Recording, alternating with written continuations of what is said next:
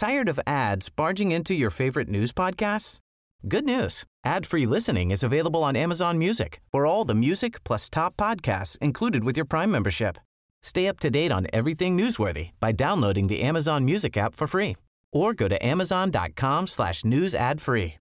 That's amazon.com slash news ad free to catch up on the latest episodes without the ads. A lot can happen in three years, like a chatbot may be your new best friend. But what won't change? Needing health insurance. United Healthcare Tri Term Medical Plans, underwritten by Golden Rule Insurance Company, offer flexible, budget friendly coverage that lasts nearly three years in some states. Learn more at uh1.com. Millions of people have lost weight with personalized plans from Noom, like Evan, who can't stand salads and still lost 50 pounds. Salads, generally, for most people, are the easy button, right? For me, that wasn't an option. I never really was a salad guy. That's just not who I am. But Noom worked for me. Get your personalized plan today at Noom.com. Real Noom user compensated to provide their story. In four weeks, the typical Noom user can expect to lose one to two pounds per week. Individual results may vary. Ah, hur mår ni? Äh, Toppen. Vad fint uppklädd du var igår. Axel. Ja, visst, sån är jag. Fick, jag, fick, den- se, fick du se svaret på när du kallar min mamma för hora? Nej. Nej, tråkigt. Jag sa att min mamma klär åtminstone upp sig när hon går ut och horar. Ja. Ja, visst det. Det är bra.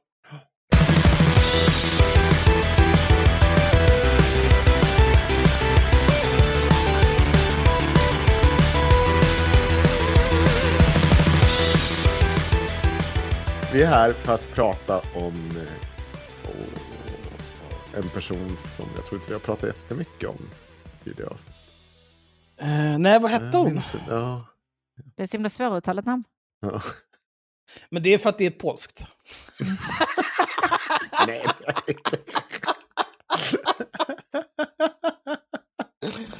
Oh, alltså jag blev, någon länkade hennes senaste jävla ljugtext där hon pratar om sitt polska kynne. Jag bara, men gomman. Du är jävla bonde, du är inte polack. Ja, vi ska prata om Cissi Wallin, som vanligt. Eller vi ska inte prata riktigt om Cissi Wallin. Eh, vi ska fortsätta eh, prata om eh, revolutionens första offer. En bok av Lina McBull. Eller en bok om en granskning, som det tror jag heter. En bok om en granskning, ja, Jag korrekt. har ju faktiskt tagit mig tiden, till skillnad från sist vi spelade in om det här, och faktiskt lyssna igenom hela skiten. Jag åkte tur och retur till Göteborg och han lyssnade igenom alltihopa rakt av där. Och inte alls arg.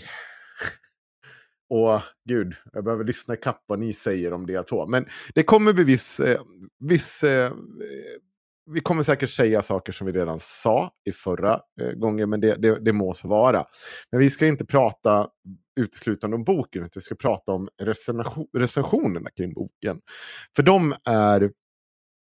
Jag tycker de är otroligt intressanta och eh, ett... Jag skulle säga att jag tror inte på en stor konspiration. Men jag tror fortfarande att journalisterna, de, de, det, det fårbeteende som journalisterna ägnar sig åt under metoo och som Lina McBull beskriver så bra i revolutionens första, eller, första offer, det kvarstår. Och det är ganska många nu som är ute efter att försvara det beteende, kanske sitt eget beteende eller sitt eget mediehus beteende. Jag vill börja med eh, att säga så här, för uh, ni som lyssnar nu och som lyssnar på kanske, eller lyssnade på förra avsnittet, vi såg att det fick en hel del nya Patreon, så det ska ni såklart fortsätta bli. Men är du ny lyssnare nu, nytillkommen och bara börjar sätta in i det här eh, kaoset kring Cissi Wallin, så eh, rekommenderar jag dig varmast att bli Patreon. Det kostar 10 spänn i månaden om Nej, du är absolut så inte. Det Nej, kostar men- 30 spänn i månaden. Ja, ja. Det Plus 30 moms. Spänn. Ja, 30 spänn i månaden. 10 spänn per avsnitt typ kan du det. Du får gärna skänka mer. För det vore trevligt. För det tar ändå för säga en hel skänka. del. Du kan säga betala. Vi betalar betala. skatt som normala människor, Ja. så det blir inget att försöka dodga det där med att det gåvor Nej, nej. Hur som haver. Du, ja precis. Hur som haver. Du, eh, bli Patreon och så faktiskt ta tiden nu under kvarvarande semestern eller vad det nu är fan du vill, eller under hösten och lyssna igenom de avsnitt som vi har gjort om Cissi Wallin. För vi in, jag har insett på sistone att det är en, när vi började den här granskningen med Cissi Wallin 2019, nog för att vi fick en hel del nya lyssnare och sånt. Det var många som tyckte att det här var skitintressant. Men jag tror att det finns en hel del där ute som eh, kanske dels inte var redo, tyckte vi hade för grovt språk eller what not. Men jag tror att det finns en hel del intressant där som du om du är ny, inte riktigt har liksom hängt med i. Eh, och vi kommer alltså prata om allt ifrån när jag konfronterar Cissi med att hon har svart städhjälp, trots att hon är en sån feministisk legend som liksom ska alltid betala rätt och rättvist. Eh, och hon prutar också på svarta städhjälp. Barnvakt var Ja, nej, just det. Barnvakt. Hennes ja. nannies. Ja, nannies. Um, Det är faktiskt, nu har ju inte jag barn, men jag, jag tänker mig så här, om jag skulle betala någon pengar för att eh, vakta min dator, ja. då skulle jag, det skulle inte vara en person som jag är så här, det första jag gör är så här, nej men det känns lite dyrt. Mm. Äh, eh, vi kommer prata om när Cissi Wallin eh, eh, ljög om eh, och höll faktiskt på att förstöra för en kvinna eh, när hon pekade ut henne som att hon ska ha stulit pengar ur ett eh, metoo-projekt. Vi kommer prata om eh, kvinnor som blev lurade på pengar i, eh, eh när de gjorde sajten för gardet. Vi kommer vi prata om hur gardet ra rasar sönder, hur Sissi ljuger och manipulerar människor. Eh, vi kommer prata om hur Sissi har kontakt med en våldtäktsman eh, som hon blir bundis med. Vi kommer prata om eh, när Cissi Wallin försöker utpressa bloggbevakningen eh, och någonting som återfinns även i Lina McBulls bok. Det finns så mycket att hämta där som jag rekommenderar er att faktiskt ta ett varv där i historiken och lyssna från början. För där finns det mycket. Hon försökte för övrigt utpressa mig också, Cissi Wallin. Det tror jag också vi tar upp. Um, det finns väldigt mycket att hämta där. Hur gick det då? Det gick sådär. Hur mycket pengar fick du? Jag fick inga, va? Pengar. Vad ska jag få pengar för? Ja, men om hon utpressade dig? Nej. Eller hon fick du betala? Jag sa jag? att hon försökte utpressa. Nej. Ehm, det där Som kan ni... pengar.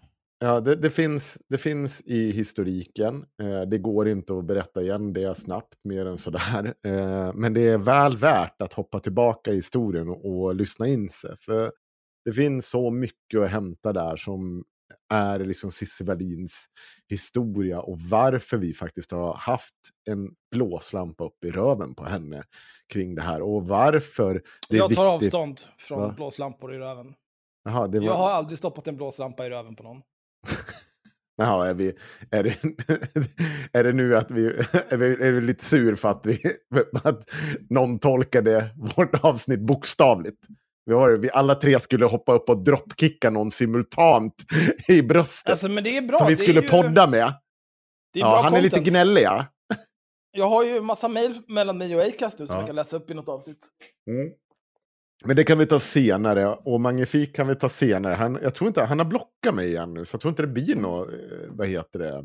Magnus med som skäms, vars barn skäms över honom. Ja, i alla fall. Innan vi hamnar i den diskussionen igen. Än en gång, bli Patreons om ni inte är det. Eh, var det en månad då, eh, om det så krävs. Men bli Patreon, lyssna igenom. Det är mycket lyssning som du kanske har missat där. Och det är mycket content. Det är tidlöst material. Och det är ju såklart också en lång intervju med Cissi Wallin. Den är toppen. Och så vidare. I alla fall, eh, idag ska vi mala igenom lite recensioner då av revolutionens första offer. Och jag kan väl börja med ett konstaterande som stör mig nå för grön djävulskt. Och det är det faktum att ni vet när en eh, journalist eller någon så här tillhörande person till en tidning får för sig att skriva en bok eller något sånt där. Har ni varit med om det? Sett det någon gång? Ja, visst. Ja, ja. Till exempel Åsa Linderborg på Aftonbladet skrev en bok. Eh, Ja. Och så helt plötsligt då när Aftonbladet ska recensera det, då har man en så lång och fin tradition, skitnödig tradition, av att då kan inte liksom den egna tidningen recensera den boken, för det finns risk för jäv. Men den risken föreligger ju i allt hela tiden. Så, Så, att, att göra ett undantag för det då, det är ju implicit i det är ju så här, ni kan egentligen inte lita på oss. Nej. Eh, Och Det det, är så jävla dumt. Jag kan, ty jag, jag, jag, tycker, alltså, jag kan tycka det finns en poäng att göra det. Alltså, så här, men jag, tycker, jag, jag förstår din poäng. Skit samma. Det märkliga med det är att när Lina McBull skriver en bok om olika tidningars totala haveri kring eh, liksom metoo-publiceringar, då är plötsligt går det alldeles utmärkt att recensera det man själv blir kritiserad för. Det har jag väldigt, väldigt svårt att se. Alltså varför liksom så här, det går så jävla bra och gör det nu. Varför plockar ni inte in andra recensenter plötsligt nu? Och framförallt vid vissa tillfällen, varför säger ni inte ett skit om, alltså så om den faktiska kritiken som riktas mot det egna mediehuset? Men det ska vi återkomma till. Och det, det, det stör skiten ur mig att det är på det där sättet. Men jag tänker att vi ska börja någonstans. Ni båda har fått ut ett mejl. Och vi ska läsa lite recensioner. Jag tänker att vi, vi ska väl kanske försöka att inte stanna till riktigt lika ofta som vi gör i vanliga fall. Men att vi kanske läser en recension var åt gången. Så kan vi avsluta med att höra Karin Olsson på Expressen när hon själv ger sin egna lilla recension av den här boken i eh, sin podd Lägg ut. För det tycker jag det är typ en av de vidrigaste av recensionerna här. Men har du, som sagt, har du, har du just kommit in i det här, du behöver åtminstone lyssna på avsnittet Revolutionens första, alltså där vi recenserar revolutionens första offer. Där måste du någonstans börja. För annars blir det här obegripligt. Det är ännu bättre om du sätter dig in i vad som har faktiskt hänt tidigare. Då kommer du också förstå revolutionens första offer eh, och varför faktiskt den behövs och varför det blev som det blev. Det tror jag är viktigt. Tror ni att vi är en av de få poddarna som ger våra lyssnare bakläxa varenda gång vi spelar in ett jävla avsnitt? Ja, Det var bra. Jag, Men så är vi inte lite störiga? Ja, nej, men det här att- kan ni inte lyssna på om ni inte lyssnar på allting annat. Vi är väl poddvärldens version av den där killen som står med den där tavlan i bakgrunden med röda trådar Ja. Charlie. Ja. Han, eh, konspirations... Eh, Ja. ja, jo, absolut. Eh, det mimet vill man ju vara. det, är inte, det är inte långt ifrån ibland ändå. Nej, För en utomstående är det nog inte det. i alla det. Nej, det är fall. inte det. Sen om det är klart i våra huvuden, det är en annan sak. Ja, det är en Jag dricker cola här för att hänga med allt. Men jag kan börja läsa en recension. Eh, tänker jag här. Eh, eller ska jag ta den här kanske till och med? Jag tar den här. Så kan ni få lite ljud redan från början. Oj, eh. Oj, så fint. I alla fall, eh, jag börjar med SVT. Eh, SVT är ju en av de kanalerna som kritiseras både för jäv och annat och en felaktig uthängning av Fredrik Virtanen och felaktiga påståenden i Linda McBulls bok. Så står det så här. I den nya boken Revolutionens första offer Eh, skriver SVT-journalisten Lina McBull om sin granskning av mediernas metoo-rapportering och det drev hon upplevde mot sig själv. Drastiskt och engagerande med olyckligt skarpt ljus på de kvinnor som lämnat uppgifter om övergrepp, skriver kritikern Sandra Stiskalo. Eh, Stiscalo. Lina, McBull, eh, Lina ilska sätter tonen. Under arbetet med eh, det programmet som kommer att bli ett av Uppdrag gransknings mest omstridda reportage upprättade hon en så kallad shitlist. En förteckning över personer som smutskastade och spred lögner om henne eh, för att hon granskade mediernas agerande i metoo hösten 2017.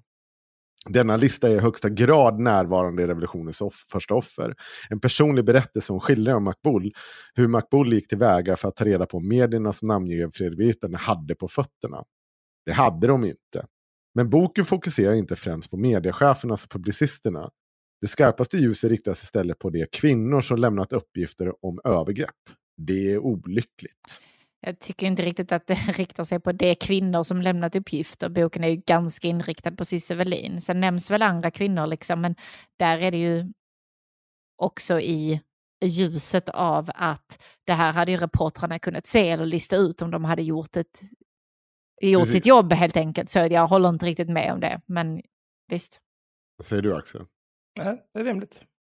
Jag, jag, jag håller 100% med dig Sanna. För, för det, det här är, är, kommer vara en återkommande svaghet i alla de här recensenternas eh, argument. För, och argumentet att det riktas mot kvinnorna är återkommande. Problemet är, om du, ska, om du har namngett en person som skyldig till våldtäkt och övergrepp på många olika sätt, inte bara våldtäkt och övergrepp, utan på ett jävla massa olika sätt och vis så måste ju du någonstans börja titta på vad hade de för belägg för att göra det? Och för att titta på vad de hade för belägg för att göra det så måste man också titta på den andres berättelse kring det. Tyvärr, så är det. Det här var inte Lina McBoods val. Det blev hennes måste för att göra den här granskningen i samma sekund som medierna gjorde bort sig. Det blev ett måste. Det blev också ett måste när Cissi Wallin höll på som hon höll på i sociala medier. I, och att det var så många andra stora aktörer som gjorde det. Det blev gång på gång en berättelse som liksom helt öppet spreds. Det var liksom inga, fanns inga gränser. Och då blir det nödvändigt att titta närmare på det här. Titta på vad som hade sagts i de här förundersökningarna. För det också sa någonting om hur gick den här publiceringen till? Varför valde ni att göra den här namnpubliceringen? Om ni såg att det var så svagt underlag varför gjorde ni ändå eh, namnpubliceringen? Och det är det här som inte besvaras av olika mediehus. Det är det de duckar. Och nu tycker jag gemensamt egentligen i alla de här recensionerna återkommer till just det här. Liksom försöker skifta fokus. Att det hela tiden någonting klandervärt Lina gör. Ja. Fast hon bara sköter det jobbet de borde ha gjort från första början. Och den här jävla shitlisten som det pratas om. Ja, det är en rolig bisak i den här boken. Det är en, det är en inblick i Lina McBulls tankar och hur hon mår. Men den är ju inte på något sätt central för boken. Den är Nej. ju liksom en så här skojig bisats som, som gör att man begreppet, får ett grepp om hur liksom snett det går för henne. Vilken, vad är det för någonting? Är den med Daniel Fittan Öhman och övriga eller? Ja, precis. Ja. Så att hon, det, alltså hon säger ju egentligen aldrig vilka som är på det, men hon bara pratar om den så här löt. Och ja, det blir ju så här... Det är ju, det är ju för att det ska vara liksom en personlig touch, att man ska begripa att det är en människa. Mm. Och inte bara så här, här har jag skrivit bara punkt för punkt saker som hände, utan jag är också en person som det här hände. Mm. Så fortsätter det. Mer intressant och något av en ironi är det då Lina McBull även avtäcker sin egen redaktion. Redan före programmet sänds blir hon själv föremål för en hetsdrev och utmålas som könsförrädare. Men något vidare stöd verkar hon inte erbjudits. När det är dags för en intervju med Cissi Wallin har hon inte sovit ordentligt på veckor, är pressad och känner sig paranoid. Hon flaggar för att hon inte pallar och får till svar att det fixar hon. Det blir ingen bra intervju. McBull är taktlös mot Wallin, men jag ställer mig frågan om SVT måhända omedvetet kastar in Lina McBull under bussen. Jag tänker att just den grejen ska vi återkomma till i slutet. Eh, när vi har läst lite fler recensioner. För det är också återkommande hur eh, de tycker att, de, att det egentligen klär av eh, Uppdrag granskning. Och på viss del kan jag säga redan nu att ja, det visar på att Uppdrag granskning hade ingen aning hur man hanterar det här.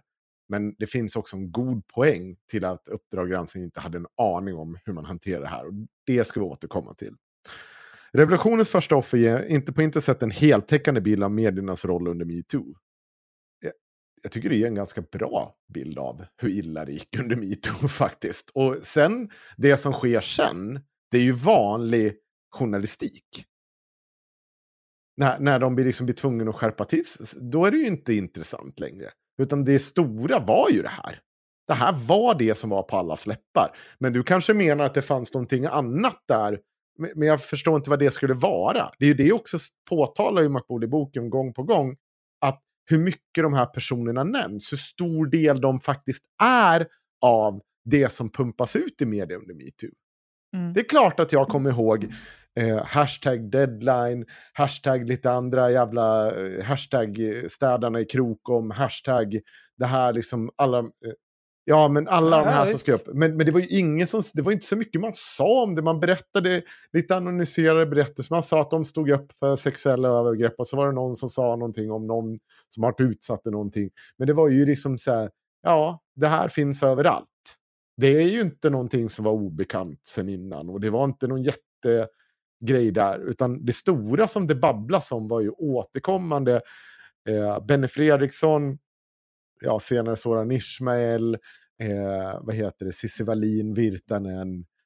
Sen började det bli mörkt därefter. Revolutionens första offer ger inte sett en heltäckande bild av menighetsrollen metoo. Men det är en bladvändare. Den som sett en del, en del Uppdrag granskning kommer att känna igen sig. Penseldragen är breda och Macbull skräder inte orden. Exempelvis kallar hon vid tillfälle reporter på Sveriges Radio som såg att hennes program för fitta. Det är ett drastiskt engagerande, långt ifrån en eh, eftertankens bok. Eh, nu kommer det där eftertanke. Jag tycker det är så fullt av eftertanke i den där jävla boken. Det är så fullt av så här, gjorde jag rätt, gjorde jag fel, var det här så här. Det där är liksom, det är som att vi inte har läst samma bok. Och det är genomgående i alla de här recensionerna. Det är att Makbul kallar någon för fitta, hon är full och hon äter för mycket mat. Alltså ett rabiat fyllo. Alltså jag tycker det här så här. Här är en kvinna som vittnar om att de har blivit utsatt för någonting otroligt, eh, alltså på många sätt hotfullt, eh, hat och liksom på ett sätt som har bryter ner henne hon på riktigt har fått en PTSD-diagnos i efterhand. Och alla beskriver henne som ett rabiat fyllo som äter för mycket. Och det är i princip bara kvinnor som gör det. Jag känner igen det här från någonting. Oh. Här kommer någon och berättar en ganska omfattande berättelse hur den blev extremt utsatt på så jävla många sätt och vis. Och så får den höra att det är ett rabiat fyllo. Som bara eh, springer runt och skriker könsord till höger och vänster. Ja, det, det, det känner väldigt mycket igen där. Mm. Ska också lyssna på vad hon har att säga i, in, i recensionen på boken. Men det är en personlig bok, en slags eh, arbetsplatsskildring skulle man kunna säga, som handlar om hur hon då gick tillväga med granskningen. Ett slags uppdrag, granskning bakom kulisserna. Och en av de viktigaste trådarna i boken är ju hur hon, Makbul, då eh, motarbetades och smutskastades långt innan programmet ens hade sänts. Hon utmålades då på olika plattformar som könsförrädare. Ja, hon blev alltså föremål för ett eget drev och detta gjorde henne både sjuk, som du nämnde, och eh, hämndlysten. Det här är också så här, hon blir utmålad som könsförrädare. Ja, det, det händer vid flera tillfällen. Men hon får också motta regelrätta hot. Där folk liksom som så här, hon ska dö. Det är inte bara det. Och det är inte bara könsförrädare. Utan hon utmålas som lögnare.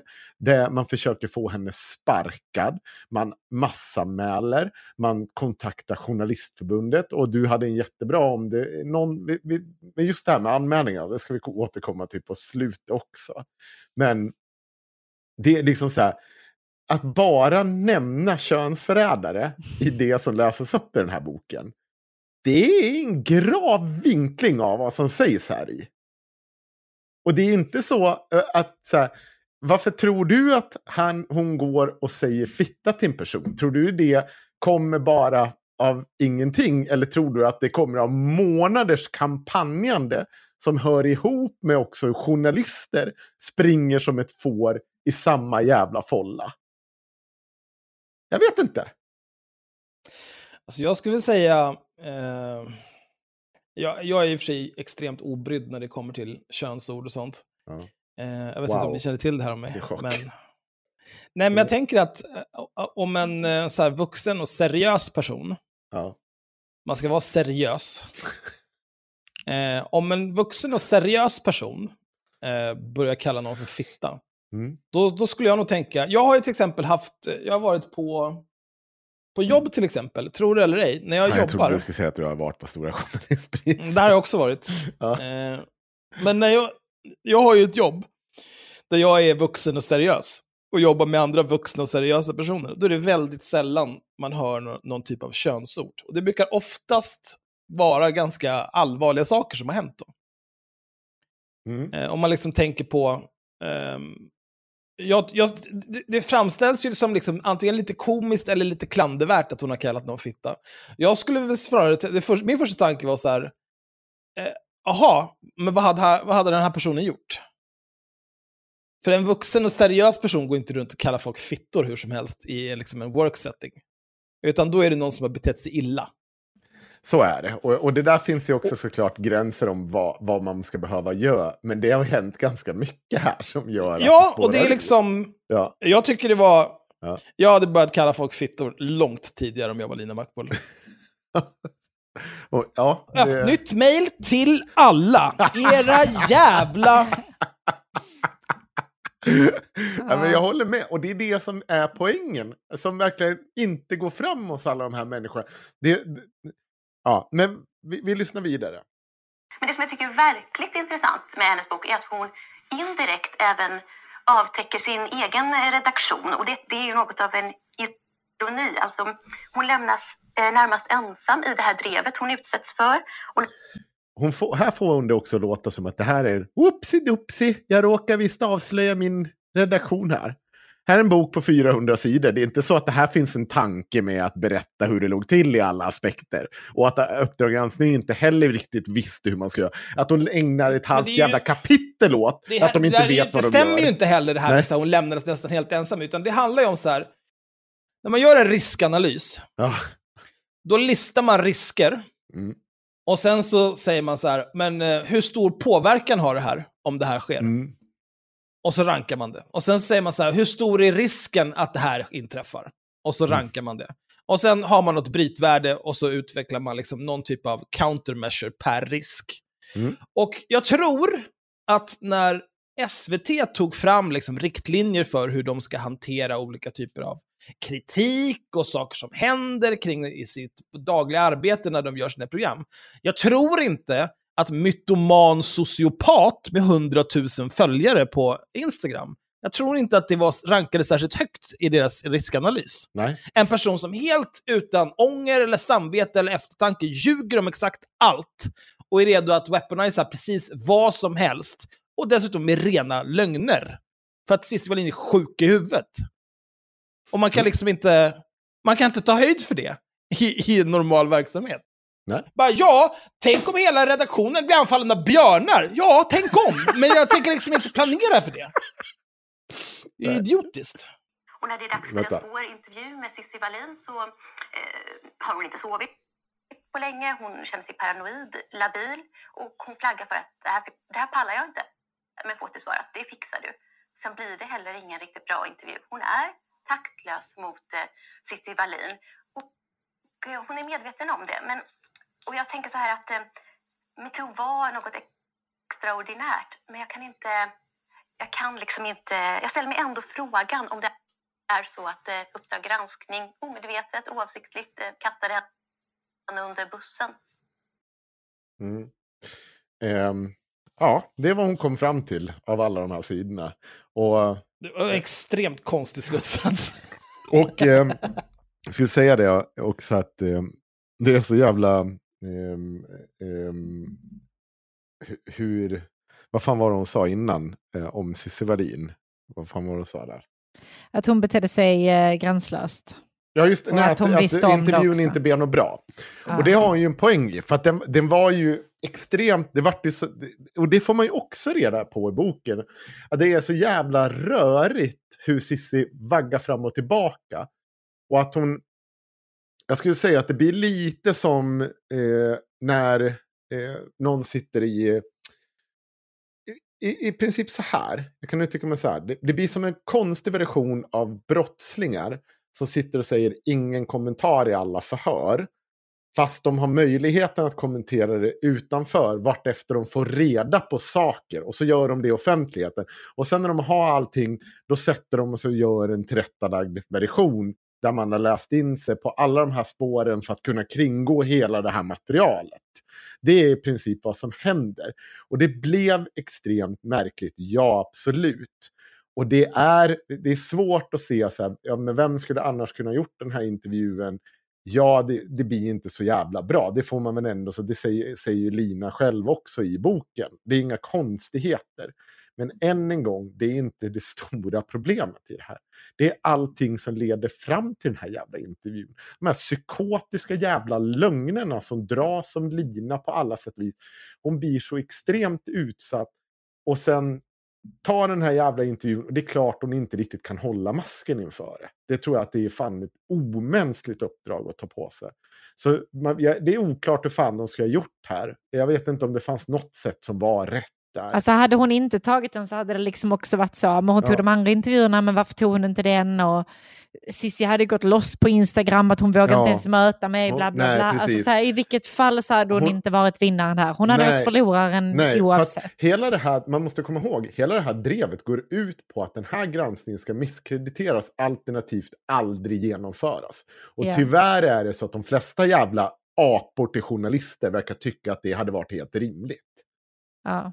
Men än en gång, vi återkommer till det. Och jag har lagt upp nästa recension, Aftonbladet. Axel, jag tänker att du kan få läsa den. Tack, vad snällt. Eh, Det här är en recension skriven i Aftonbladet av Malin Krutmeijer.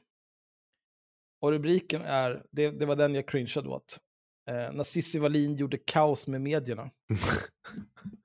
Extremt cringe. Gjorde kaos. Så, så Snälla. hade inget sånt här, ett liknande påverkansoperation, som det egentligen skulle, kanske skulle ha kallats om det vore eh, en annan typ av politisk rörelse.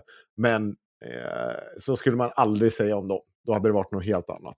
Och det här är också nagen, eller det, den stora jävla eken som växer i folks ögon, som de missar.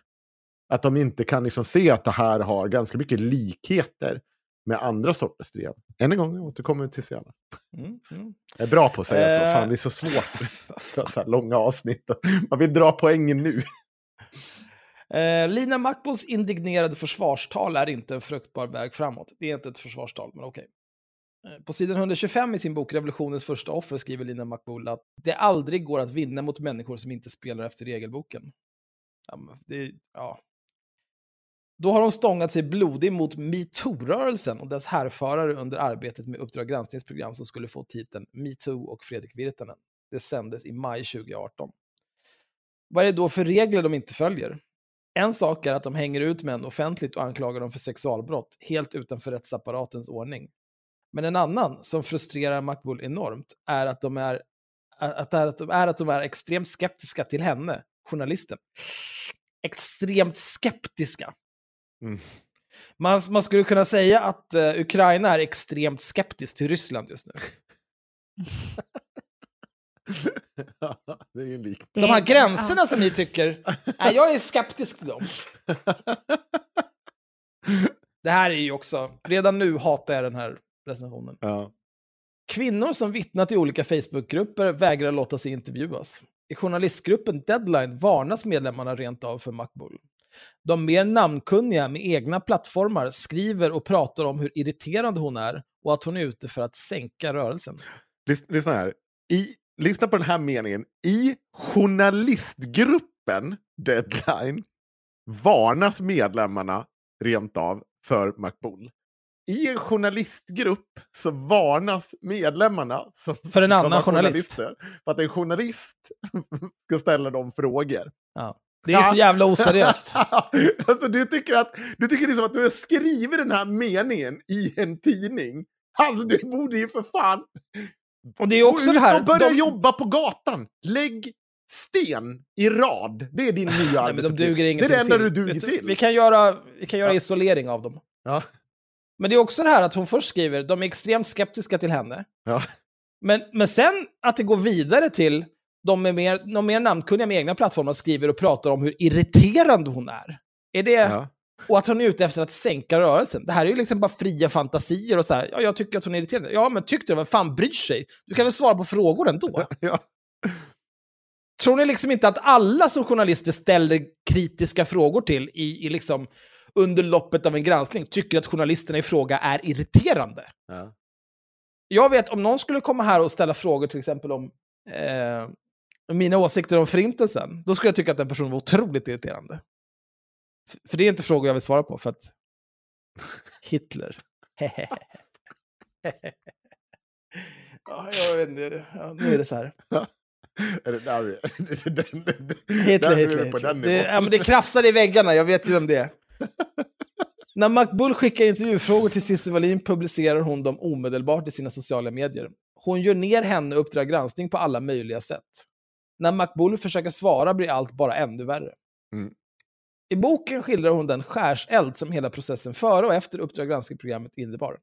Här finns plågsamma detaljer, inte minst om bristen på stöd från kollegor och hur lögner och ryktesspridning gjorde cheferna osäkra. Men nu, nu skriver hon ju det här också! Varför, varför börjar hon med att de är extremt skeptiska? Ja, det är inte det. Det är lögner och ryktespridning som gör att de är... Extremt Nu, ja, men nu gör jag med fingrarna för er som Ja. inte ser här. Bunny det är mycket viftande med rabbit earsen. Ja. Vad säger du Sanna? Det ser ut som att du är på flåsa. Nej, jag jag får bara lite PTSD eh, av tanken på att du kanske skulle säga citat, slutcitat istället för att vifta med fingrarna. Jag är glad att du valde fingerviftningen faktiskt. Tack så mycket Henrik. Va? Va? Har jag sagt det?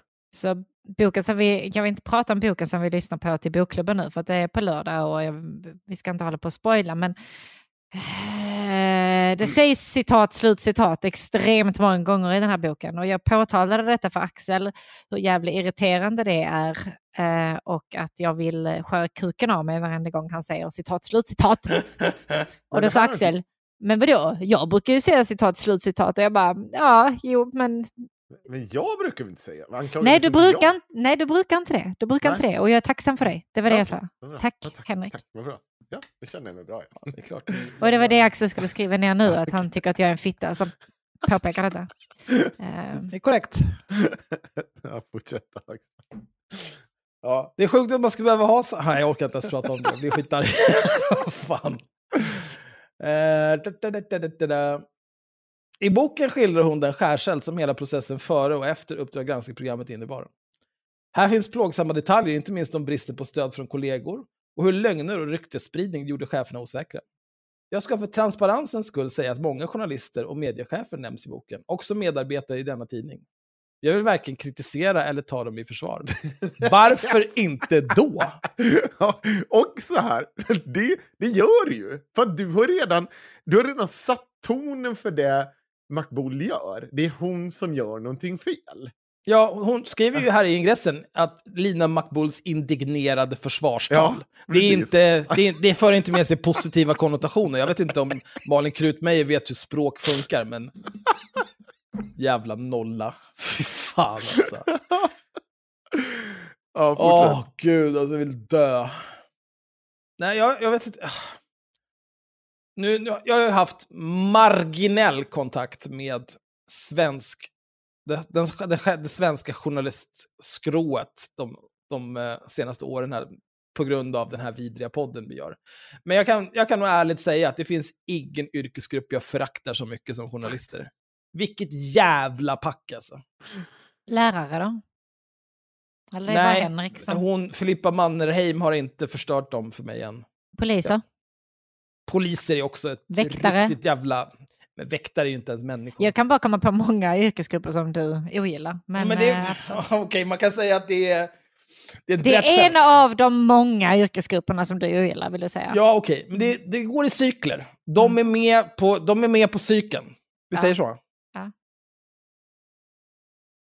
Mer intressant är bilden av en verklighet där journalisterna inte vet hur de ska navigera.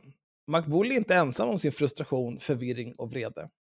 Dels finns olika perspektiv inifrån metoo-turbulensen i form av Åsa Linderborgs Året med 13 månader, Fredrik Virtanens Utan nåd och Cissi Wallins Allt som var mitt, historien som inte får berättas. Men du berättar den ju, din åsna. Om, om, Om och om igen. Det är fan det enda du har gjort de senaste sex åren. Ja. Ja, i och för sig, förlåt. Jag, glömmer alla dina bomberna du släpper på singellistan här de senaste månaderna. Men även SVT-journalisten Anna Hedenmos uppdrag Sanning 2018 bör nämnas i sammanhanget. Hedenmo uttrycker nämligen ett liknande missnöje med de som är kritiska till eller inte litar blint på hennes journalistiska omdöme. Men det här är, det här är ju samma sak igen. Inte lita... Är det det som är liksom det är inte binärt på det här viset. Det, man kan inte, det är inte, ingen seriös person säger så här. Ingen över fem håller på på det här viset. Bara, ja, nej, om du inte litar blint på mig, då är du dum. Bing, bing, bing. Det är ingen som har sagt någonting som ens är i närheten av det. Utan det handlar ju återigen bara om att så här, hur, jag har lite frågor till dig gällande det här du har påstått. Skulle du kunna... Nej, nej, nej! Och så springer jag till skogs. Det är liksom, det är inte att man behöver inte lita blint på någon för att svara på lite frågor. I Hedenmos fall rör det sig främst om debatten kring Agendas rubrik Hur mycket invandring tål Sverige 2012?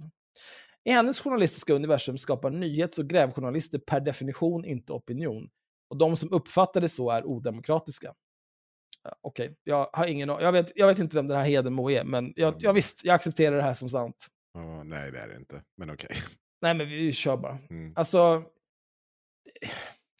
det är ju... eh, den här meningen betyder ju ingenting. I hennes journalistiska universum skapar nyhets och grävjournalister per definition inte opinion. Det kan de väl absolut göra. Alltså, en, en, en nyhet kan ju vara en nyhet som skapar opinion åt ändra håll eller åt flera håll och på alla håll och kanter. Men syftet är ju inte att skapa opinion. Jag, orkar, jag orkar inte. Alltså, varför, folk som inte vet hur ord fungerar, varför tillåts de skriva på det här viset? Det är så jävla retarderat. Ungefär samma uppfattning har Lina Mackbol. Hon ser sig som den oförvitliga sanningssökaren och demokratins garant och är väldigt arg på dem som inte köper den bilden rakt av. I alla, fall, I alla fall är hon det nu, när hon i efterhand skriver ner sina upplevelser. Hon funderar inte en sekund på varför en del människor uppenbart inte har fullt förtroende för henne och hennes program. Och återigen, fullt förtroende. Mm. Boken innehåller inga reflektioner över tv-mediets genomslag och makt eller hennes egen. Heller inga försök att förstå den nya sortens offentlighet och den, på gott och ont verkligen, rubbade maktbalansen de sociala medierna innebär. Detsamma tycks gälla även Uppdrag granskning-redaktionen, som mest verkar ha ägnat sig åt akut krishantering. Hon beskriver hur de som jobbar med metoo-programmet fullständigt tappar koncepten när folk inte uppför sig som väntat. Som väntat. Det, det är inte att folk är så här, ja du, eh, när vi mejlade så sa vi att jag kunde ringa dig mellan 10 och 12 på tisdag. Eh, men när jag ringde så svarade du inte. Vad hände? Det är när någon uppför sig inte som väntat. Att liksom eh, krackpipe-Sissi går runt och ljuger om folk och, och är sjuk i huvudet. Det är inte att inte bete sig som väntat. Det är att vara helt jävla galen. För som jag sa förut, man kan inte planera för alla eventualiteter. Det är klart att det är ingen som har räknat med det här sinnessjuka. Jag ska också föra in nu, för nu tänker jag ändå så, hoppa på den där poängen. För att eh, Tired of ads barging into your favorite news podcasts? Good news. Ad-free listening is available on Amazon Music for all the music plus top podcasts included with your Prime membership. Stay up to date on everything newsworthy by downloading the Amazon Music app for free or go to amazon.com slash news ad free. That's amazon.com slash news ad free to catch up on the latest episodes without the ads. Flexibility is great. That's why there's yoga. Flexibility for your insurance coverage is great too. That's why there's United Healthcare Insurance Plans. Underwritten by Golden Rule Insurance Company, United Healthcare Insurance Plans offer flexible, budget friendly coverage for medical, vision, dental, and more. One of these plans may be right for you if you're, say, between jobs, coming off your parents' plan, turning a side hustle into a full hustle, or even missed open enrollment. Want more flexibility? Find out more about United Healthcare Insurance Plans at uh1.com. inse att den här kommer jag inte liksom kunna ducka. Ehm, för, för det här kommer också vara återkommande i det vi diskuterar. För hon säger så här. Hon funderar inte en sekund på en del människor uppenbart inte har fullt förtroende för henne och hennes program. Nej, och du som recensent funderar heller inte en enda jävla sekund och nämner inte med ett jävla ord att det sitter en person här med, ja, vi då inte 100 000 följare, men som senare har fått 100 000 följare och som bara stadigt under hela den här perioden ökar i antalet följare och antal reach hon får. Hur mycket, alltså det, hon pratar, Cissi Wallin pratar själv över liksom att hon får över 400 000 i räckvidd på varje post hon gör och grejer vid något jävla tillfälle. Hon pratar inte om att den personen sitter precis som du säger Axel och ljuger och ljuger och ljuger. Och vi, nu pratar vi inte som att men man kan se det från två olika håll. Jag kan se det från två... Nej, nej, hon ljuger. Det är uppenbart att hon ljuger, bland annat som ni tar upp. Vid ett tillfälle så ringer Lina McBool eh, en person eh, som hon ska ha tag på. Listat eh, ett barns nummer, står det tydligen där. Alltså det är kvinnan som hon ska ringa har listat sitt barns nummer eh, under sitt eget namn. För att det är hon som står på abonnemanget förstås. Ja, precis. För Vilket barnet gör att Lina når ett barn, eh, upptäcker att hon når ett barn, frågar om föräldern där, får ett nej tackar för sig så här. här finns det, det finns alltså inspelat. Trots det, trots att Cissi vet om det, trots att det finns på band att Lina säger tack och hej då till barnen, att det finns på band att Cissi Wallin har fått veta hur det ligger till. Så fortsätter Cissi sprida lögnen om att Lina Makbul ringer och jagar barn och sen familjemedlemmar. För den här lögnen utvecklar sig om och om och om igen under tiden som går. Och det är Cissi expert på att göra. Det börjar med en grej, sen blir det två grejer, sen blir det tre grejer, sen blir det fyra grejer. Och det, det, de tre efter, det är bara, det, du kan bara räkna med att det är lögn. Vi vet att det är obestridligt en lögn som sprids. Det är inte det enda som sprids som en lögn.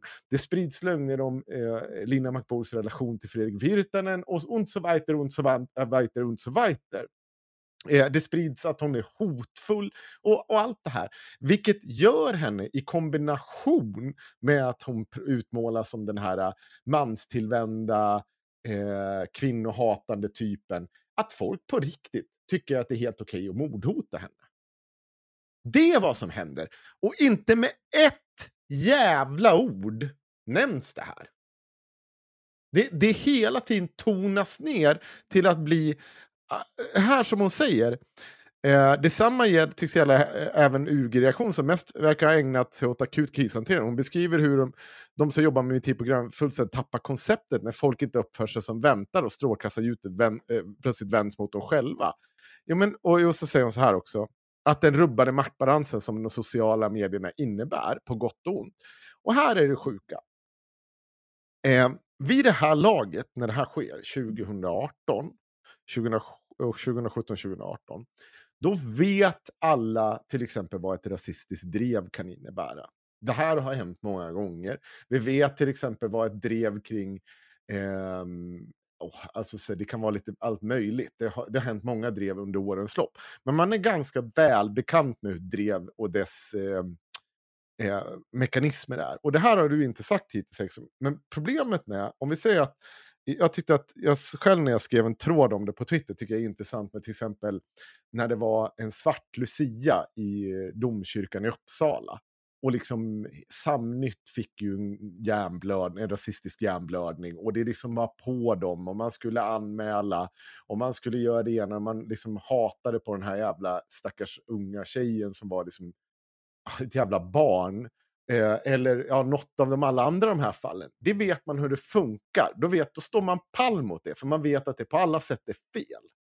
Skillnaden i det här fallet, och som inte den här människan på Aftonbladet, vad hette hon? Eh, Den här Malin Krutmeier. Krut, Krutmeier.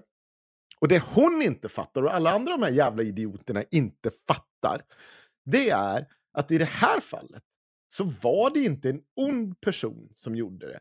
Det, inte var, det var en god person. Det var en av de goda. Det var en av de fina. Och den goda och den fina blev uppbackad av journalister. Genom likes, stöttande kommentarer, ibland till och med uthängningar som de stöttade med. Det fanns nog mycket mer chatter i bakgrunden också. Som, alltså man kan, alla fattar ju att det skedde. Alla fattar ju att det fanns kontakter mellan Cissi Wallin och en massa journalister. För det, det framgår ju om inte annat i boken genom att varje gång Lina försöker nå en journalist för frågor så får helt plötsligt Cissi Wallin reda på det.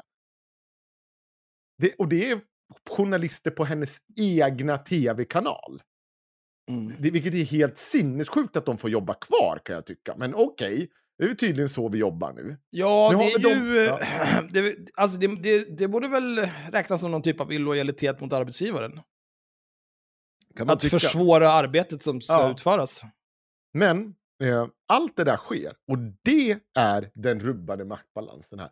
Det är att man inte har någonsin varit med om att journalisterna själva blir en del i drevet att den kollegiala grejen, där man helt tappar fattningen om vad som är en granskning, att den börjar brista.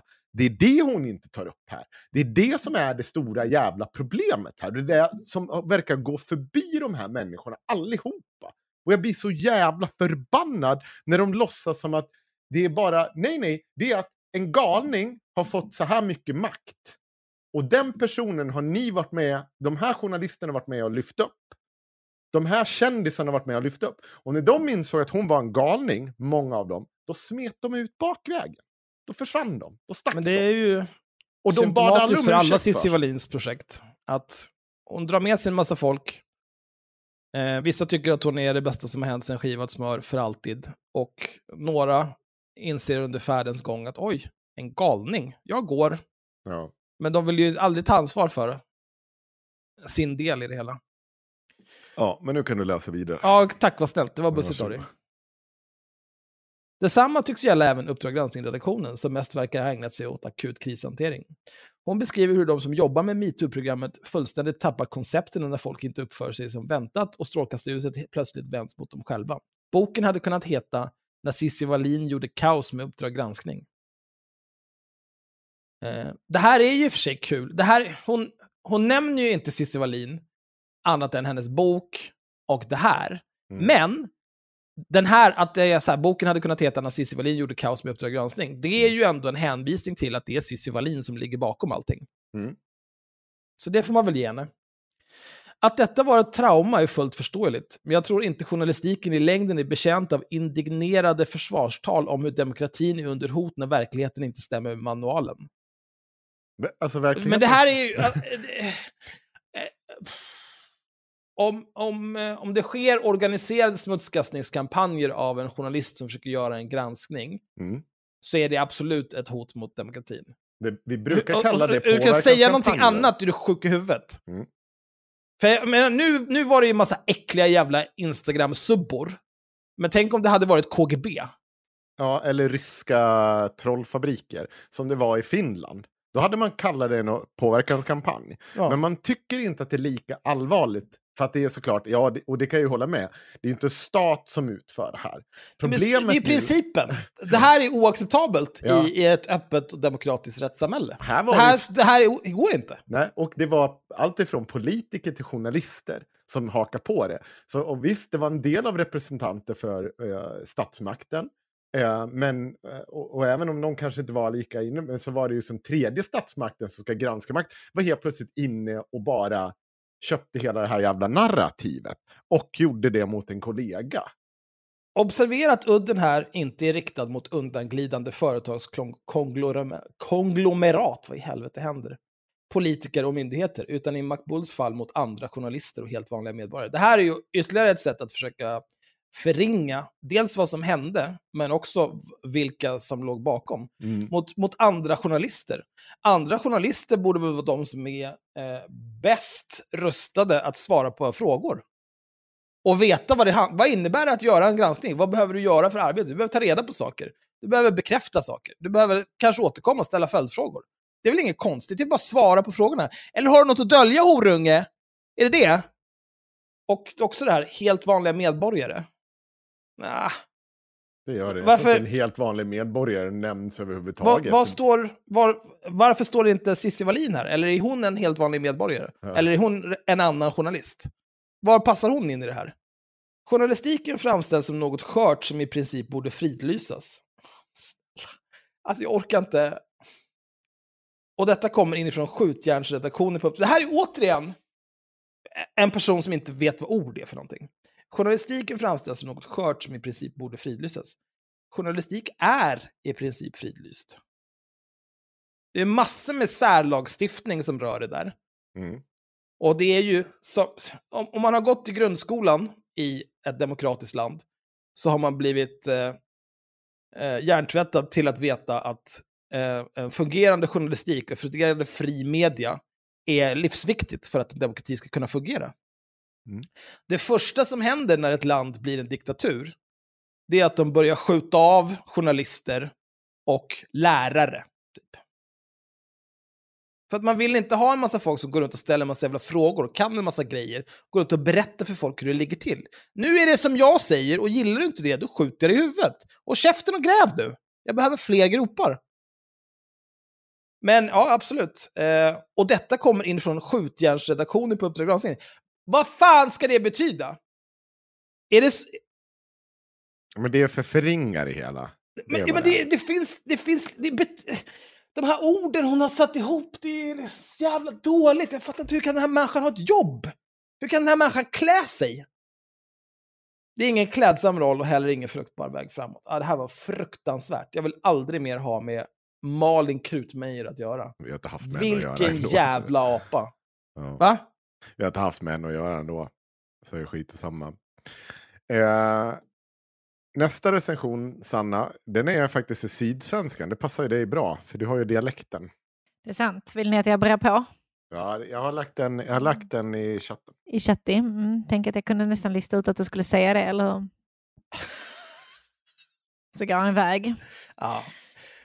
Det är så sjukt också när, eh, när Henrik går iväg, då är det ju bara så här, han skiter i allting, han bara går. Ja. När du går iväg, då vet jag ju ändå så här, du hör ändå för att du har trådlösa hörlurar. När jag Mm. går iväg, då säger jag alltid så här, vänta lite, jag kommer strax. Mm. Jag måste Jag till bara höja värmen, du vet. Jag ska bara luta mig bort.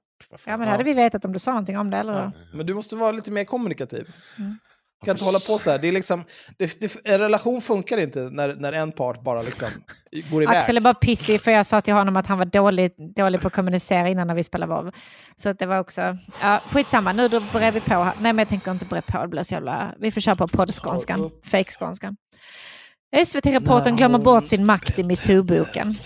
Metoo, men snälla Axel!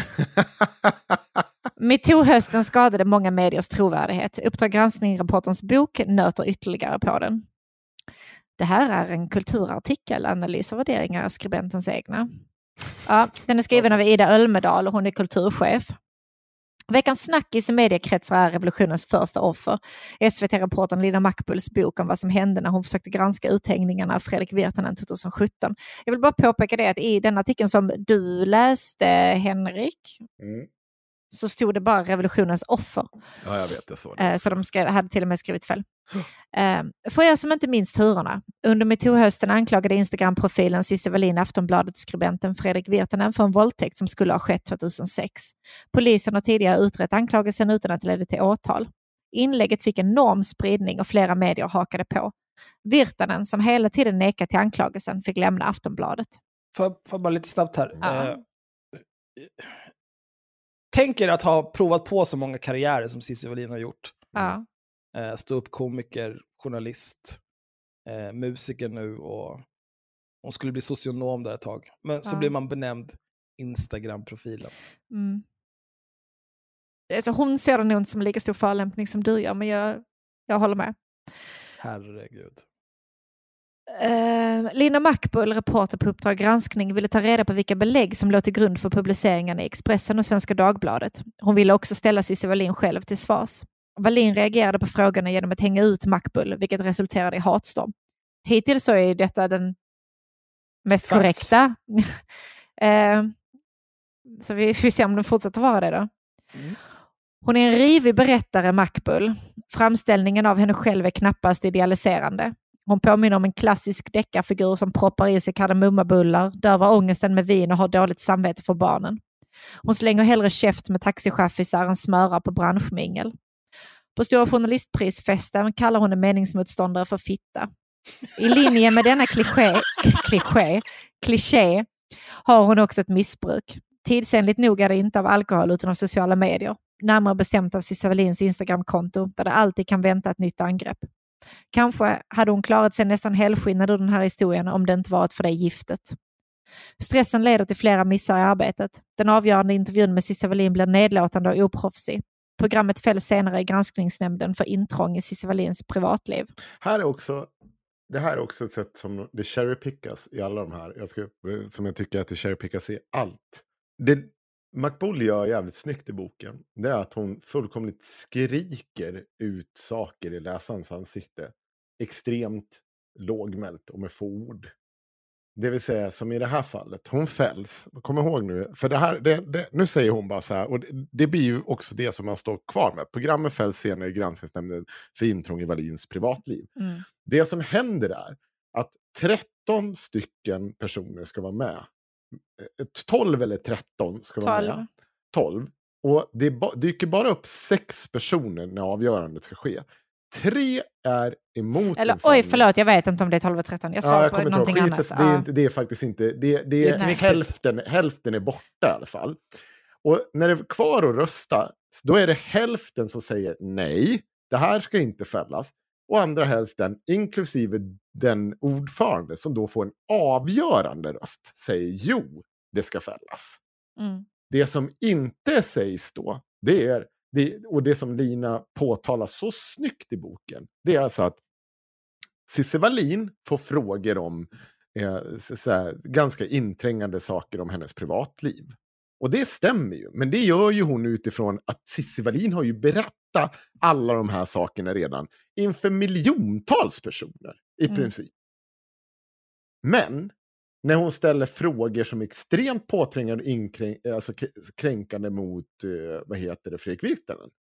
Det är ingen som ifrågasätter det. Det är alltså ingen i granskningsnämnden som ställer så här, skulle kanske han också så ha fått en, skulle de ha fått en fällning för det då? Om vi nu fäller för Cissi Wallin. Och det är väl det är också extra intressant Ja. med tanke på den här nämnden, för att det var ju det var väl tusentals personer som hade anmält programmet, Ja, men inte Cissi Wallin. Precis. Och det måste vara den som liksom har blivit Ja. kränkt eller någonting utsatt Mm. som anmäler. Så då hör de av sig till henne och Inte frågar till Fredrik. Virtanen, men de Men det gjorde de inte till Fredrik Virtanen, det är lite konstigt. Det är väldigt intressant. Och, då, och, då, och, Och, ska, och hon, frå- hon frågar ju ändå honom typ så här, i princip, knullar du barn? Ja. Det är en av frågorna som hon i princip ställer till honom. Det, det, ser- jag hade nog lappat till henne om jag hade varit Fredrik Virtanen. Det är, liksom, det är Ja. ganska mycket mer kränkande frågor som han får. Och det jag menar nu, det är att hon skriver det här väldigt kallt och snyggt bara med para... Alltså så man får hela den här beskrivningen. Och det har ju också Ida som har läst det här fått. Men kvar med Ida, då är det bara delen om att de fälls. Inte allt det här som det innebär. Och jag fattar ju att varje recensent kan inte ta upp allt det här. Men om du har de två sidorna, då kan du inte cherrypicka en av dem. För det betyder faktiskt någonting, det som hände här. Det, det är typ den svagaste fällning någonsin. Det är en inkonsekvent fällning och den är bara agerat på dem. Kom ihåg, det du sa- säger Axel, det sägs också i boken. Det är alltså av 2103 eller 300 eller 180 någonting eh, grejer. Cissi Wallin anmäler inte Hon orkar själv inte ens anmäla det. Hon orkar inte göra det själv. De ringer upp henne för det. Hon uppmanar andra att anmäla, men hon gör det inte själv. Hon som är utsatt, för hon bryr sig inte. För det hon vill, det är att andra ska agera fotsoldater åt henne. Hon orkar inte hålla på med sånt där. Det är också, Men dessutom eh, så nämner hon ju inte heller alla punkterna de frias på. Nej. precis. Och det var ju, detta var ju punkten som de fälldes på här nu, intrånget. Det är ju inte den punkten som hela drevet har handlat om. Hela drevet Nej. har ju handlat om hur partisk hon är, hur hon väljer eh, Virtanens sida, hur eh, hon är jäv för att hon är bästis och bundis med Virtanen och så vidare. Det är ju det hela drevet har handlat om. På alla de punkterna så frias de. Det enda Mm. de fälls på är det som de aldrig har tagit upp. Det som drevet aldrig har handlat om. Det enda som de har nämnt om att det skulle, alltså som skulle närma sig att alltså, drevarna har ett problem med, ehm, som skulle kunna relatera till intrång i privatliv, Mm. är ju just det här med att ah, men den här frågan får bara eh, sexualbrottsoffer. Ja. Eh, och nu kommer jag inte ihåg vad frågan är bara för det. Men det är det enda som snuddar på det här. Men det hade Ja, de också inte familj? Ja, precis. Tänkte du på hans familj? Precis, det är frågan. Och det är det enda som liksom skulle kunna snudda på det här. Och det har inte drevarna haft något problem överhuvudtaget. Så att de nu liksom går och hurrar den. Och jag menar, hon berättar ju i alla fall här vad det är den är fälld för. Men i många andra fall så ser man ju bara, alltså, eh, Uppdrag gransknings granskning fälldes, i, eh, grans, alltså fälldes för, inte ens för, utan det bara står att den är fälld. Att det är ett fällt program. Ja, det, Och det är verkligen- också, det är liksom ännu fulare. Så han nämner dem i alla fall det, men hon nämner ju inte alla de punkterna de friades på. Nej. Just att de blev friade när det kom till saklighet är väl Ja, kanske det absolut viktigaste i den ja. eh, avgörandet. Ja. Eh, men här är det också... att det, det, hon försöker liksom stränga ihop det här med att den avgörande intervjun med Cissi Wallin blir nedlåtande och oproffsig. Och att programmet fälls senare i granskningsnämnden för intrång i Wallins privatliv. Som att det är liksom... Jag tycker inte att det är rimligt att, att säga att det där hör ihop på något vis. Det, det blev ju liksom... Jag, dels tycker jag inte att intervjun med Cissi Wallin var nedlåtande, men den blev ju oproffsig för att de liksom fick snurra ihop allting på mindre än ett dygn för att Cissi Wallin är en jävla galning. Mm skulle skitit i att ha med henne, det hade jag gjort. Det, det bästa citatet är så här. Vi kan flyga dig till Göteborg. Nej, jag är gravid. Sen Ja. åker hon till USA en vecka senare. Ja. Men det var, väl under, det var väl under den tiden hon skulle starta någon PR-byrå i New York? Eller Nej, jag, jag vet inte om det var då. De har ju varit där en del ändå. Men jag tror att PR-byrån i New York var tidigare faktiskt. Ja. ja, just det, hon sagt till praktikant. Ja. Mm.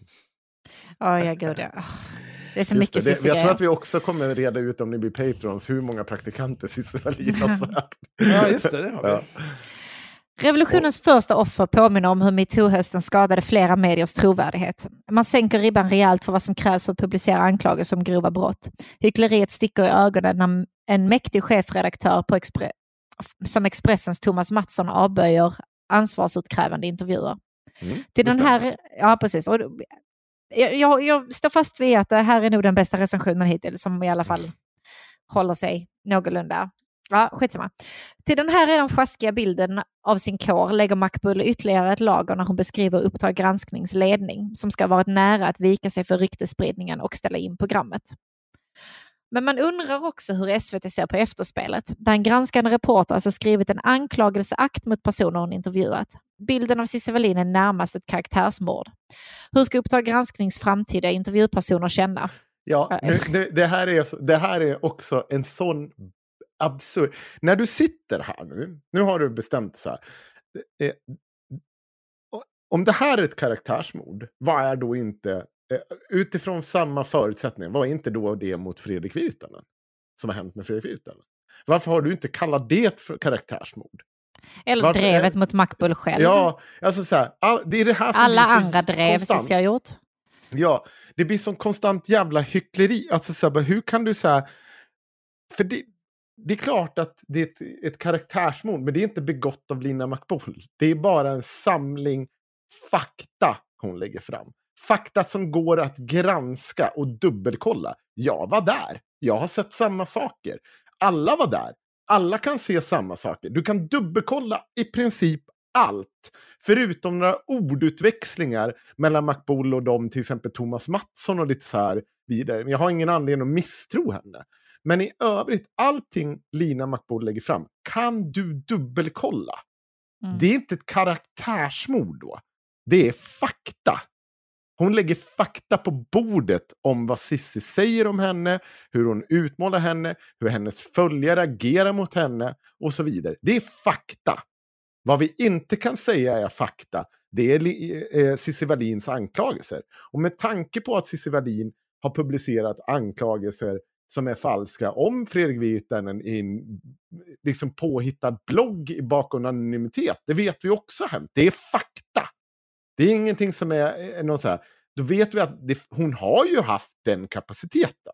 Vi vet att hon kan ljuga. Så då tycker jag nog att det är viktigare här i det här fallet att Cissi Wallin måste ge någonting bättre. För att hon har ju förlorat den trovärdigheten. Det är inte vi som har gjort det. Det är inte Lina McBull eller någon annan, utan det är genom de här konstanta lögnerna så har hon tappat den trovärdigheten som varje kvinna borde ha när de kommer och berättar om ett övergrepp. Det har tyvärr, tyvärr Cissi Wallin tappat det. Det finns ingen anledning att tro på henne om inte hon kan visa på någonting. Ja. Jag tar avstånd. Nej, det gör du fan då. Det gör du så Nej, fan inte. heller. Nej, hon har inte. Nej, jag, alltså, jag, jag skulle om det här inte- så jävla mycket fram och tillbaka. Alltså, det är inte jag som har sett till att jag har tappat tilltron till hennes berättelse. Det är Cissi Wallin själv. Ja, konstant... problemet, hennes problem är att hon ljuger om allt hela Ja. tiden. Jag tycker också det är lite fult att hon säger, alltså att eh, Ida här skriver hur ska Uppdrag gransknings framtida intervjupersoner känna? För det här är väl ett extremt specifikt fall. Ja, Eh, det känns också som att det finns ingen annan som beter sig så illa som Cissi Wallin gör. ja. Att de behöver vara, alltså jag känner att om inte, om inte Fredrik Virtanen var direkt rädd att sätta sig i en stol framför Lina Macbull, som ju också har uppmålats som extremt klandervärd under hela metoo-hösten. Liksom. Så alltså det känns inte som att en normal person behöver oroa sig för att bli intervjuad av Lina Macbull. Nej, och jag säger så här också. Alltså snarare så känns det som att man hade kunnat vara ganska säker på att det, kommer bli liksom sanningsenligt. Alltså, Ha. så hon kommer inte dra sig för att ställa de tuffa frågorna, hon kommer inte liksom försöka eh, fula till det för att det ska framstås på ett visst sätt, utan frågorna kommer ställas. Det kommer hade komma fram. Liksom. Hade medier också eh, eh, representerat den här boken och det händelseförlopp som skedde på ett schysst sätt, till exempel i det här. Eh, hon, visserligen, ja, visst, några punkter har hon ju rätt i, men det, det är fortfarande det här stora övergripande är ju att det landar tillbaka till Uppdrag granskning, det är de som gör något fel. Det är det som är problemet här, inte Ja. liksom det grunden i det här som boken tar. Hade ni eh, beskrivit vad som hänt, då hade, ing, eh, då hade ingen överhuvudtaget behöva fundera över att, för det här är så extraordinärt. Det är ett så speciellt fall. Det vet de själv, det är Sveriges mest anmälda program, fälls på en punkt. Det var uppmaningar, alltså hon, ja, jag blir så jävla, fortsätt. Oavsett hur man ser på hela resten av historien så finns det något som förenar Macbull och Wallin. Båda försöker nå en känsla av upprättelse genom offentligheten. I verkligheten fungerar det sällan. Offentligheten är en oskyddad plats som triggar våra värsta rädslor, övergivenhetskänslor och krigarinstinkter. Jag tror, jag tror inte att det är en likhet mellan Cissi. Det, det är så, också så jävla klapp på huvudet. Ja, men ni är, ni är lite samma skrot och korn. Eh, Den ena, den har fått liksom genomlida fler år av den här typen av förtal och eh, smutskastning. Medan den andra till slut säger så här, nu måste jag få berätta min historia. Vad som Ja. hände. Jag tror inte att det, alltså det här är ju, eh, till viss del är det ju ett försvarstal om vad som hände och vad, hur, vad hon gick igenom såklart. Men det är också reda ut en massa av de lögnerna som spreds där. Med fakta! Inte Cissi Wallins påhittade jävla Instagram-inlägg. Det är fakta, det är någonting annat. Mm, Alltså, det känns inte så. Jag är extremt skeptisk till dina är inte det här med sanning väldigt subjektivt Det ändå? är väldigt subjektivt. Eh, och där någonstans finns också problemet med Lina Macbulls bok. För som reporter på Uppdrag granskning representerar man en institution som säger i detta stormiga hav är vi en fyr. Vi lägger fakta på bordet, vi får skattemedel för det. Om vi granskar dig förväntar vi oss att du ställer upp, men i gengäld ser vi till eh, att bara det vi verkligen kan belägga kommer fram och att bilden blir balanserad. Och det blev det ju eftersom de inte blev fällda för sakligheten. Men okej. Okej. Eh, är detta problemet? Att de gjorde sitt jobb? Eh, du får nog komma med mer än det här. Att ha den rollen är att ha makt. Skriver man sedan en partsinlaga om en konflikt med en intervjuperson så har man missbrukat den makten. Nej, det har man, nej. Var det, var det Uppdrag granskning som släppte boken Revolutionens första offer? Och Lina, Var det- inte, Lina jobb, vad jag vet så jobbar väl inte hon kvar hos Uppdrag granskning För jag Ja, håller med ja, om att Uppdrag granskning hade släppt den boken hade det kanske varit lite... Det här var Ja. lite Men- konstigt. Men det, Men det är ju... det är ju inte... eh, Så hon får väl göra vad fan hon vill. Vad är det här för Ja. skit? Och det Som är du- också, ja. det är ju inte... Ja visst, man kan ju säga en partsinlaga. Men att säga så här, det här var en konflikt med en person. Det är inte... Nej. Det var inte en Det är konflikt. inte en helt rättvisande Det, bild. det är som att säga att Ukraina har en konflikt. Och man kan säga att Ukraina har en liten konflikt med Ryssland. ja, jo, det har de. Det är Jag sant. tycker här när Zelensky går runt och säger fan, kan ni sluta folkmörda oss? Lite tråkig partsinlaga. Som Det- dokument över en kaotisk period i offentligheten är Lina Macbulls bok ett intressant bidrag.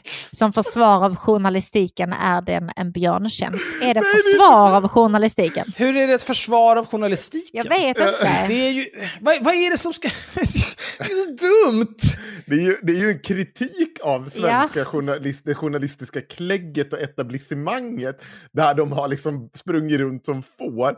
Det hon menar att det hon försvarar av journalistiken det är att man ska göra sitt jobb.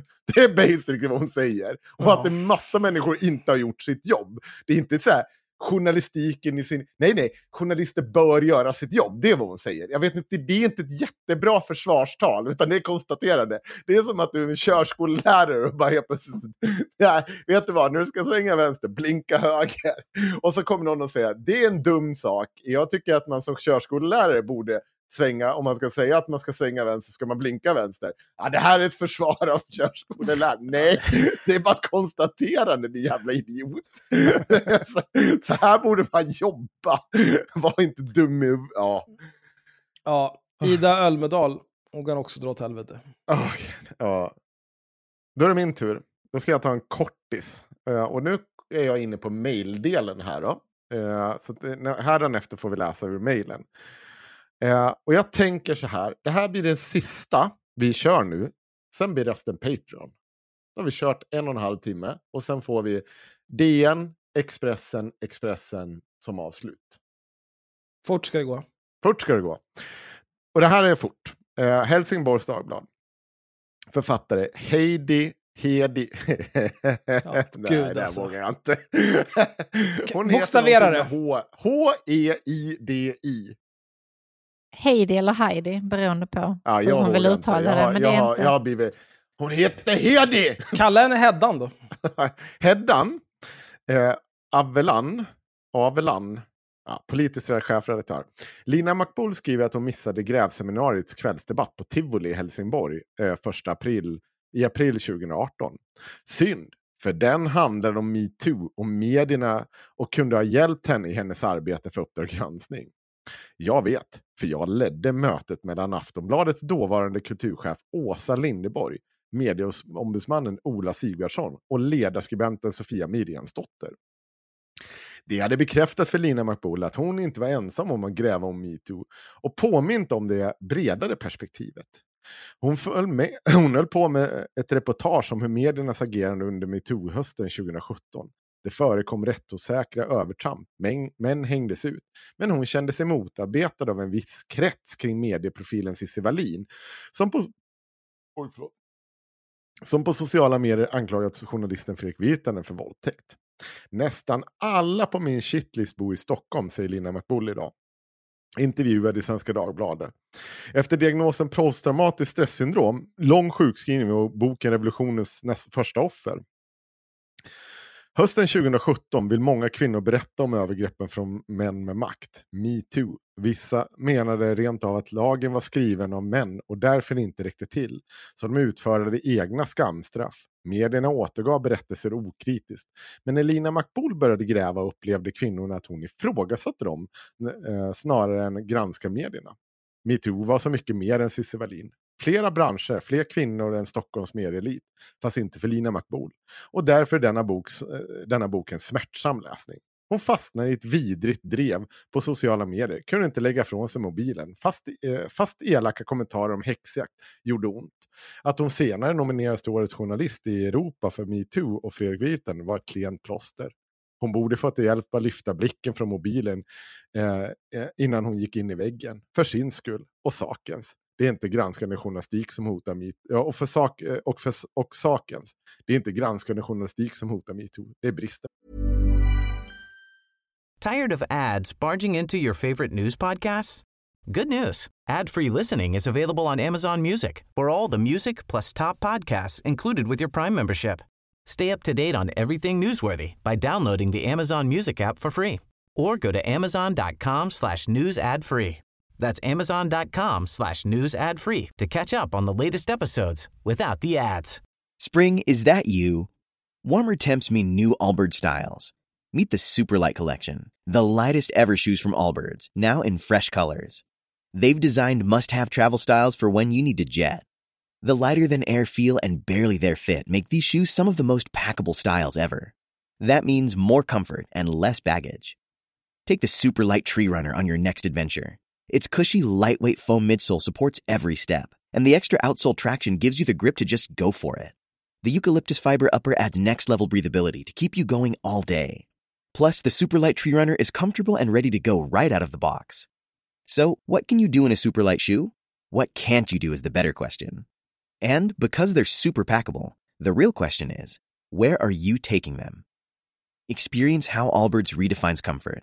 Visit allbirds.com and use code SUPER24 for a free pair of socks with a purchase of $48 or more. That's ALLBIRDS.com, code SUPER24.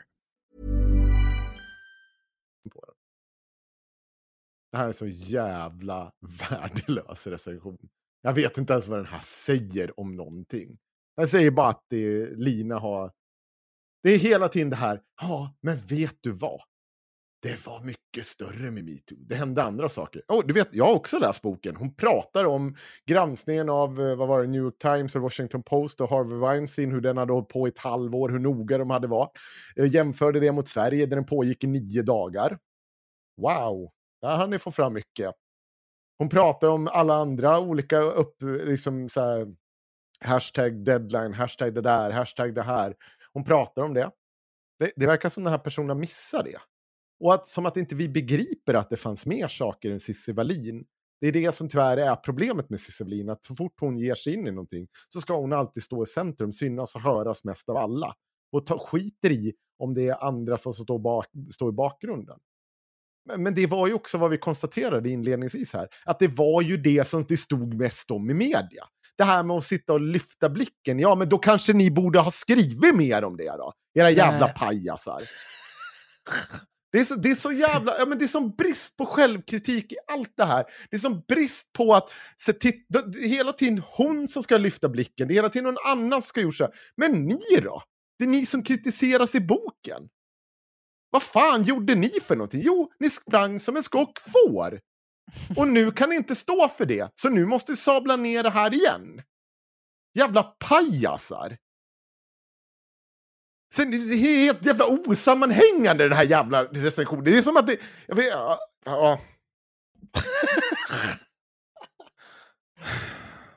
Ja, men jag är så jävla trött på det. Och så, jag blir så jävla... Jag blir rent utav ledsen åt McBulls vägnar. För att det är sånt jävla försök till karaktärsmord av henne. Det är återkommande alkis, psyko, så här, att inte förstå att det inte kommer liksom bara ur ett vakuum. Att det faktiskt hände saker där som var ganska allvarliga. Som var ganska gränslösa. Och det som folk har... Än en gång, be fucking Patreon. Hör människor berätta hur, själva hur det har varit. Hur många som har varit rädda för att yttra sig.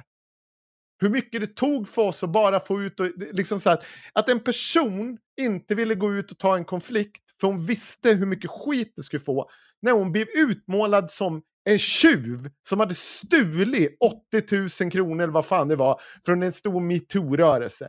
Det var vad Cissi sysslade med. Hon satt och sa att folk var tjuvar. Den här personen fick gå och ta ut en, en bank, eh, alltså gå till en bank, be banken, här kan ni skriva ut att jag har satt över de här pengarna på de konton som det ska vara inne, allting är klart, jag är ingen tjuv. Det var den personen tvungen att göra. Och vi sitter fortfarande och behandlar det som att det är alla runt omkring och inte den här galningen i mitten som dyker upp i, i, i liksom sånt här sammanhang efter sammanhang efter sammanhang efter sammanhang efter sammanhang. Lämnar person, person, person, person, person efter sig som antingen är tyst, livrädd eller liksom eh, har berättat om att det här är ett mönster. Det liksom är inte någonting vi diskuterar, utan det ska återkommande peka på den som kommer ut och berättar. Vad känner vi igen det här ifrån? Är det inte det ni sitter och här och gnäller över? Att man inte får ifrågasätta offret? Jävla apor! Det är så jävla passande det där. Det är så jävla passande, för det är bara när det är liksom så här, det, det egna narrativet. Det är då man inte får ifrågasätta. Det, det stör. Du menar alltså att Cissi Wallin är en förövare? Inte våldtäktsman, det har jag aldrig sagt. Skulle jag aldrig, jag vill inte bli stämd för förtal. Men hon är Jo, alltså... på- Åh, åh, åh. Om Cissi Wallin stämde oss för förtal, alltså jag skulle, jag skulle bajsa på mig av lycka. Ja, här ser vi nu. Det är så här de beter sig, förövarna. De stämmer oss som vågar berätta. Ja. Det är fan det lättaste avsnittet någonsin att spela in. Ja, om ni tror att jag har, har nog att säga nu, nej, vi har mer att säga. Vi har mer att säga om det här jävla eh, skiten. Och vi har ett par recensioner kvar, men det kommer ni få höra om ni blir Patreon. Och framförallt så kommer vi med lyssning på den värsta av alla recensioner, eller de värs, värsta, eller den, det, det, det är hugget med stucket mellan DN och Expressen. Eh, Karin Olsson, hur jävla självbelåt, alltså, Är hon en förövare? den där kuken. Bra, förolämpa ditt eget kön. Bra. Kan dra Vi har få regler i den här podden, men det är en viktig en. Ja. Det finns, det finns faktiskt väldigt få regler. Man, eh, eh, man ska helst förolämpa sitt eget kön och man får inte kalla kvinnor för horor. Nej. Men dumma horor är okej. Jo, men då är det Eller? liksom en fas på det dumma. Ja, Och det är alltid blanket statement att typ så här, alla poliser är dumma horor. Då- Men då- också är då- man, en, är man en dum hora, alltså då menar man ju inte hora i bemärkelsen prostituerad. Nej. Eh, och heller inte kvinna som fått barn utanför äktenskapet. Nej. Va? Det är inte Det var ju det det var från början. Nej. Det är hora, horkar och horunge. Det är de tre ingredienser som behövs i... Ja. Ja. Ja. Eh, med det sagt så tackar vi eh, ni som har lyssnat. Be fucking Tacka inte dem för ett jävla skit. Vi kan tacka våra patrons sen när vi är klara med det här avsnittet. Ja, men då... Bra. Ja, eh, bli patrons. Fridens!